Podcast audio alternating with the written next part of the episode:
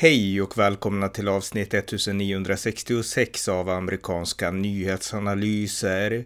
En konservativ podcast med mig, Ronny Berggren, som kan stödjas på swishnummer 070-30 28 95 0. Här följer en uppdatering om det senaste i USA tillsammans med min svensk-amerikanske kollega Björn Nordström från Arizona. Varmt välkomna! Björn Nordström, välkommen. Tack så mycket. Vi ska uppdatera nu lite om det senaste USA, så ja, kör igång. Ja, du vet, vi pratade för några månader, månader sedan om att eh, Saudiarabien pumpar en massa vatten här för att odla alfa-alfa-grödor som de sen skickar tillbaka till Saudiarabien. Mm. Därför att Saudiarabien vill inte göra det i Saudiarabien därför att de vill inte slösa vatten på det och så skrev de en, en usel deal för Arizona för att använda Arizonas grundvatten. Och jag nämnde att Katie Hubbs har börjat utreda det där. Nu har i alla fall Katie Hubbs beslutat sig för att avsluta allt det där. Så hon har redan allt det där har avslutats nu. Så inget mer saudiarabiskt vatten. Eller vatten ska pumpas i Arizona för att odla grödor för Saudiarabien. Mycket bra, mycket bra. Ja, hon är, hon är, hon är betydligt när det gäller sådana där saker så är hon faktiskt betydligt tuffare än vad jag hade faktiskt trott och hoppats på faktiskt. Så att, eh, och det är intressant, jag bodde i Vermont förut och hade vi ändå en republikansk guvernör. Han är mer och han är mer till vänster än Katie Hubbs är som en demokratisk guvernör. Så det beror kanske också lite vilken delstat man bor på. Skulle tro det. Hon är väl lite lokalpatriot. Menar alla måste väl Precis. vara i viss mån konservativa där i Arizona, skulle jag tro. Ja, annars blir man inte framröstad. Va? Men att, att, det här, att de gjorde det här var ett alldeles utmärkt steg. Därför att ja, min rädsla eller oro var ju det att hon skulle inte våga göra någonting därför att då är man islamofob och så man vill inte reta upp Saudiarabien. Men uh, det var ingen snack om det här. Hon utredde det. Utredningen gick bara om några veckor och sen pang, punkt slut. Nu är det slut. Och sen mm. sa hon upp kontrakten med Saudiarabien. Mycket, mycket bra. Eh, en annan nyhet är att Arnold Schwarzenegger, republikanen, tidigare guvernör i Kalifornien, han intervjuades ju av de här vänsterliberalerna på The View, jag tror att det var ABC News. Och då fick han en fråga då, vad han tänkte om invandringen, för han själv är ju invandrare, han kom från Österrike till USA när han var ung. Och eh, ja. han har också varit för liksom den här migrationsreformen, den här mjuka invandringspolitiken förut. Och han sa att han är fortfarande för det, men framförallt så måste USA ha en säker gräns, sa han. Han vill ha en säker, en liksom helt obrytbar gräns mot Mexiko. Och det tog de här, alltså tanterna där, jag har inte sett det, jag har bara läst om det, men jag förmodar att det tog dem med lite chock och så. Så att eh, Arnold Schwarzenegger, han vill ha en tuff eh, gränspolitik. Ja, han ville, han ville stänga gränsen. Han sa mm. rakt ut att inte en person skulle kunna ta sig igenom. Och det bygger på då tanken då att, för att och han, han förklarade, jag såg inte heller intervjun, men jag läste om det där. Och han sa att uh, för att man ska kunna, man har inget land, och det här hör man ofta republikaner prata om, man kan inte ha en, en, en suverän nation och en, ett, ett, en säkerhet inom landet om man inte har kontroll vilka som kommer och går. Mm, exakt. Framförallt vilka som kommer. Så det är det hans tanke också. I praktiken vill han ha, ha en mur, skulle jag säga då. Ja visst, han, han sa ju rakt ut att inte en enda person ska kunna komma över utan att vi, vi vet om vart den kommer, de ska komma. Alla måste komma in lagligt. Men han sa också, det håller jag också med om, vi måste ha en, en, en bra, en, en betydligt bättre eh, immigration för, eh, för arbetare, för sådana som kommer över och jobbar här. För att det är stor arbetskraftsbrist i USA fortfarande, framförallt inom vissa yrken. Det är permanent arbetskraftsbrist i flera yrken. Och där pratar han om att det måste man göra lättare för människor, goda människor som kommer från liksom rätt länder med rätt värderingar som ska komma över och arbeta. De måste vi kunna ta emot i större antal och istället stänga gränserna då helt för sådana som inte ska vara här. Mm, ja, precis. Ja, något mer? Ja, Hillary Clinton hon sa ett uttalande och nu man ser att hon är fortfarande hatisk mot Donald Trump och Donald Trumps väljarkår. Hon sa rakt ut uh, för några, några dagar sedan att man måste omprogrammera Trump-supportrar för att de ska liksom få rätt värdegrund. Alltså det är helt mm. otroligt att de pratar om att man måste liksom om, hjärntvätta då Donald Trump-supportrar, omprogrammera dem för att de ska liksom börja tro på rätt saker. Det, det är helt otroligt alltså. Men mm. hennes hat mot Trump, Trump och inte bara Trump, hennes hat mot mot väljare som, som röstar på Trump. Alltså det, hon har inte kommit över valförlusten än. Nej, och det var Hillary Clinton som pratade om deplorables, alltså i, i, valet ja. 2016 att eh, ja, Trump, republikanska väljare var deplorables. Hur översätter man ja. det? Alltså vad, vad är liksom... Vad, vad heter det? Oh, ah, vad heter vad kan, jag, jag vet inte vad ordet heter på svenska. Jag kommer inte på det heller. ja, ja, men deplorables är liksom bara... alla som lyssnar vet vad det betyder. Ja, ja, ja. ja, ja nej, eh, precis. Eh, det är också så här att i representanthuset så håller man nu på att välja en ny talman då, en ny speaker efter Kevin McCarthy. Och det är så här att Kevin McCarthy har inte helt uteslutit att han skulle kunna nomineras igen. Så att det finns en grupp av McCarthy-fans där bland republikanerna som vill nominera honom igen. Men annars så handlar det om Steve Scalise som är kongressman från Louisiana tror jag. Och Jim Jordan då som är eh, från Ohio, den som Donald Trump har nominerat. Och republikanerna kommer att träffas idag. Och med största sannolikhet så kommer ingen av de här kandidaterna delstaten att ha en majoritet, alltså tillräckligt många röster för att bli framröstad. Så att med stor sannolikhet så kommer vi inte få något besked idag, utan det här kommer att eh, ta lång tid skulle jag gissa. Men eh, diskussionerna inom partiet om vem det ska bli börjar idag.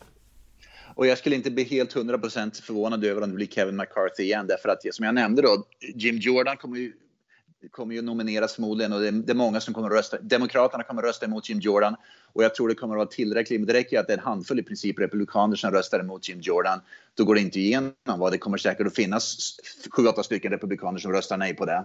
Så det kommer att sluta med att det kommer att bli någon, någon mitten igen, Kevin McCarthy eller någon liknande som honom. Så att allt det här tror jag i slutändan kommer bara att slösa bort en massa tid, ingenting blir gjort. Det kan ju bli så här också, jag menar de har ju gett förslaget att Donald Trump ska bli speaker. Jo, jag såg det. Han kanske måste bli räddningen ändå till slut. ja, det vore helt ja. otroligt. Det vore fantastiskt alltså. Det vore rätt kul om inte annat. Ja. Vilken cirkus det skulle bli då i representanthuset alltså. Han kan leda impeachment mot Biden. ja, åh herregud. Ja. Oh, det vore ju, det vore ju en drömscenario alltså. Ja, ja. ja vi fortsätter med mer. Jajamän. Eh, ett, vi, vi pratar om det här Lia Thomas ganska mycket då och mm. det finns nu, ett, nu börjar kvinnor verkligen äntligen börja liksom uh, sätta liksom spjärna emot det här med att biologiska män ska simma mot kvinnor. Och ett helt simlag i delstaten Virginia, kvinnligt simlag i delstaten Virginia på college-nivå. Det var en, man, en biologisk man som då skulle börja simma med det laget och de alla, alla, alla eh, vad ska man säga, lagmedlemmarna i det simlaget vägrade ställa upp på det och de gick ut i grupp som ett simlag med deras föräldrar och liksom mammor och pappor och kompisar och allting och sa att det här vägrar vi ställa upp på, det här är oacceptabelt. Mycket bra. Mm. Hade det här skett för två, tre år sedan hade ingen vågat säga någonting, men tack vare Riley Gaines så har de nu vågat prata, liksom speak up på det här och det kommer mm. att ske fler sådana här som speak up som ett, ett lag nu.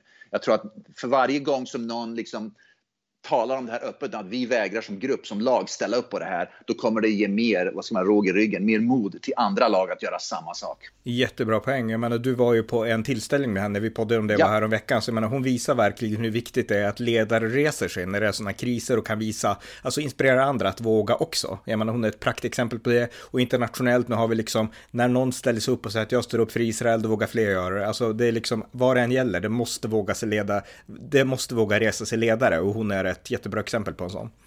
Ja, och man kan väl säga att hon är, kommer att i framtiden att ses som, vad ska man säga, nuvarande Rosa Parks ungefär som stod för då svartas rättigheter att, att, att åka en buss mm. och inte behöva sitta längst bak i bussen. Va? Riley Gaines kommer att gå ner i historien. När det här galenskapen i transgender har lagt sig kommer hon att gå ner i historien som, som dagens Riley Gaines som försvarar kvinnors rättigheter. Mm, dagens Rosa Parks, precis. Ja, eh, ja dagens Rosa Parks, tack. Mm, ja, visst. Eh, vi, ja, något mer, något mer. Ja, ytterligare en sån här transgender-grej. Det var en, um, en, en, en, transgender man, en kille då, jag tror det var high school-nivå, som, som gjorde track and field, friidrott och skulle delta i, i, i, uh, i dam, i flickgruppen då, i delstaten Maine. Men det var tydligen väldigt många som uh, började ropa då, du är en fuskare, du är en fuskare. Uh, och bokstavligen började, vad ska man säga, kritisera den mannen då, pojken, öppet. Mm när han tävlade. Därför att jag tror, precis som Riley Gaines och det här simlaget jag just nämnde, så tror jag också att, att vanliga människor som, som går på sådana här idrottsevenemang och tittar på sina döttrar spela sport, de vill inte se en pojke eller en man spöa skiten ur tjejer. Och man vågar nu liksom börja liksom öppet uttrycka sina känslor kring det där. Mm. För man blir förbannad helt enkelt. Det, det förstör, jag har ju en dotter va? Mm. och jag skulle bli skitförbannad om jag såg en kille som är då liksom 1,95 lång och väger 110 kilo och spöar skiten ur alla tjejer. Va? Ja. Och, och, liksom, och liksom, så jag förstår precis vart känslan kommer ifrån. Och jag skulle förmodligen göra samma sak. Mm. Och det är det som gör att nu vet vi att, liksom allt, att det har vänt nu. Människor vågar öppet prata om det och vågar kritisera det. För två, tre år sedan, då skulle man inte, inte ens delstaten Maine skulle man inte våga ställa sig och, och skrika liksom du är fuskare, du är fuskare. Det, våga, det skulle man inte våga. Nej, nej. Eh, ja, något mer? Ja, Hunter Biden, Joe Bidens son, då, han verkar inte ha någon form av moralisk kompass. Eller, alltså det verkar vara en vidrig människa. Alltså. Han stal tydligen 20, jag tror det var 20 000 dollar från hans egen dotters college-sparande. Så han fick tydligen gå in på ett bankkonto som, som då sparades pengar på för att dottern ska gå på universitet. Och han stal 20 000 dollar som han sen brände på prostitution och droger. Alltså Hunter Biden, jag menar han är väl, han är väl en, en addict förmodar jag då, men, men alltså vilken vidrig att han stjäl pengar för sin egen dotters College Fund. Alltså det är helt ja. otroligt. Och det här är alltså Joe Bidens son. ja. Mm. Presidenten, helt otroligt. Men vi kan säga så här att när Biden, alltså där ska man inte skratta åt, men när, när, han pratar om sin son och pratar gott så pratar han oftast om sin, oftast om sin döde son, inte om Hunter. ja. Ja, jag, precis. Jag förstår, jag, jag, jag förstår faktiskt. Bo Biden verkar vara en riktigt, riktigt bra son. Jag tror att, att, att eh, Joe Biden saknar Bo Biden mycket mer än han eh, än han, fick han byta ut Bo, och Joe, äh, Bo Hunter skulle han byta ut dem ganska snabbt. Ja. För jag tror, att, äh, jag tror att Joe Biden i grund och botten, det är hans son, men i grund och botten vet Joe Biden om att Hunter Biden är en skit, skitson. Ja, det kanske är så. Ja. Eh, en annan sak det är så här att eh, Will Hurd, den här eh, presidentkandidaten då som var kongressman från Texas, han, har, han ställde upp i presidentvalet nu, han har hoppat av eh, primärvalet och gett sitt endorsement till Nikki Haley. Så att en person mindre i det republikanska primärvalet. Jaha, jag är på tal om det. Uh, jag skickade till dig, jag kommer inte ihåg vem det var. Det var en, en, det en kandidat nu som var en primärvalskandidat för Demokraterna som nu ska, hopp, som nu ska istället göra en, en han ska göra Ja, men det, är Robert F Kennedy Jr. Kennedy, det var det, just det, just det, tack så mycket. Va?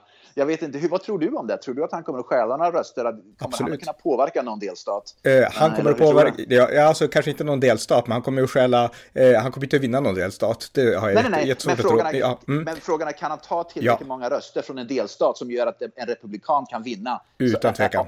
Utan tvekan, ja självklart. Ja. Jag menar Robert F Kennedy, han, det är han som har sugit upp liksom antikrigsrörelsen inom Demokraterna, han har sugit upp okay. alla de här som är liksom, som är, ja så kommer från den här riktiga vänsterkanten inom Demokraterna. Så att han är, han kan ställa till oreda precis som Ralph Nader och precis som alla de här tidigare tredjepartskandidaterna. Så ja, det här är, det här kommer att bli problem för Demokraterna och jag kan garantera att Kennedy-familjen är jättearga, skulle jag tro. Okej, okay, för Bernie mm. Sanders, han ställde ju aldrig upp som oberoende utan han bara ställde till problem kring primärvalen men sen så stödde han ju då eh, den demokratiska kandidaten i slutändan och det kan kanske bli en liten Russ Perot över hela då, kan man tänka sig. Ja, kanske absolut. inte så många röster men, men ja. Ja, nej men absolut. Eh, bra att du påminner om det där. Precis. Nej men han, han kommer att, det här kommer att bli liksom en valrysare på grund av honom. Det är jag helt övertygad om. Åh tusan, mycket mm. intressant. Ja, ja. något mer? Ja, jag läste, det, jag läste lite statistik här hur woke, att det går inte så bra för woke just nu. Uh, Bud Light har, har, eh, var den mest populära ölen i USA. Nu är den på 14 plats i USA. Sound of Freedom har, har spelat in över 100 miljoner dollar i USA. De, jag tror målet var att de skulle spela in 5 miljoner dollar. Och sådär. De är över 100 miljoner dollar nu. Uh, um, Try that in a small town. Den här sången som vi pratade om för några veckor sedan. Som den här killen står ute i mm. skogen. Den här skogshuggaren står ute i skogen med en gitarr och sjunger. Uh, eh, ligger etta på iTunes, låg etta på iTunes i alla fall. Disney, Disney-koncernen har förlorat ungefär en miljard dollar på de senaste åtta filmerna. För att de senaste åtta filmerna som Disney har släppt är väl woke då, och de har förlorat tillsammans en miljard dollar. Så i snitt 100 miljoner dollar per film har de förlorat bokstavligen. De, det kostar mer än det smakar att, att spela in filmer för Disney nu. Mm. Och eh, som andra ord, den här tysta, den här tysta, vad heter den, den silent majority, den här tysta liksom, majoriteten. Mm. majoriteten finns, den existerar, den påverkar. Mm. Människors plånböcker påverkar. Så nu har verkligen, inte bara signalerna med att Riley Gaines, som vi nämnde, då, företag gått ut och, och, och visat mod. Allt fler liksom börjar prata, upp, prata ut om det här nu öppet. Nu är liksom pengarna säger sitt också. Va? Så att det, det är verk, vi ser en, en, en verklig vändning nu i samband med, med woke, tack och mm. lov äntligen. Ver verkligen, verkligen. Eh, har du något mer? Uh, nej, jag tror faktiskt det var det vi pratade om allt det med Israel. Ja, jag tänkte bara avsluta med Israel då, i så fall med, med tanke på att alltså, det är så sjukt det som händer. Jag läste nyss, det här är ett kort sidospår bara. Alltså, eh, IDF, den israeliska försvarsmakten, de har gått in i ett av de här samhällena där Hamas härjade och de har hittat 40 döda bebisar. Och eh, oh, några av de här bebisarna är tydligen halshuggna. Det här läser jag på Fox News och eh, eh ja, eh, samhället heter då kvar, Asa, heter det kanske. Eh, men alltså halshuggna bebisar. Så att det här visar att Hamas är jag jämförde dem med Al-Qaida tidigare, men när de gör sådana här saker så måste man jämföra dem med Islamiska staten. Alltså vi kan ha nolltolerans mot de här och att det finns människor i väst som sympatiserar med Hamas, det säger egentligen allt om att vi måste driva en tuff säkerhetspolitik i Europa. De här är ett hot mot europeisk säkerhet. Stöder man Hamas så stöder man Isis. Det är ungefär samma sak. Det, det är utifrån det vi kan se nu med, med sådana här saker. Så att eh, fruktansvärda yes. berättelser från Israel och väst oh, måste fortsätta backa upp IDF i kampen mot Hamas.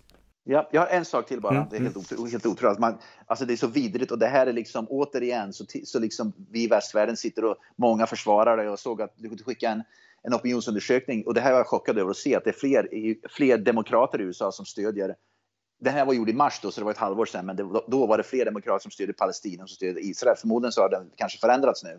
Men att det är liksom, det är de här, det, stödjer man palestinare, det är liksom då, det, det, är det här som kommer att bli resultatet då alltså. Mm, ja, verkligen. Och jag läste också att, eh, alltså jag tror vi var inne på det när vi pratade igår, men att Rashida Talib och de här som ja. i, i det skåd, alltså nu börjar de få det lite hett om öronen. Alltså de ja. får kritik för att de har varit ute och hållit på som de har gjort liksom och stött, ja men palestinierna i det här läget. Så att, eh, ja, ja det, det är bra i alla fall. Eh, ja, ja, men bra. Jag, jag, jag, har en sak till bara mm, snabbt. Ja. Uh, kommer du ihåg den här, den här kristna bag, bagaren som han hamnade inför det, det, som hade att göra med Högsta domstolen, att han, han vägrade baka en, var det baka en tårta för ett mm. homosexuellt par för att det var religionsfrihet. Han vann i Högsta domstolen i alla fall. att han har rätt att vägra homosexuella en tårta därför att han har religionsfrihet. Nu har han i alla fall blivit stämd igen av en transgender för att han vägrade han vägrade baka en tårta åt en transgender och förmodligen kommer det här också nu att hamna inom, gå igenom domstolen. Och så frågan är, är det religionsfrihet att vägra transgender med? Det där det kommer. Förmodligen så kommer han att vinna det här fallet med, va? men han är ytterligare en, en domstolstvist nu med en transgender.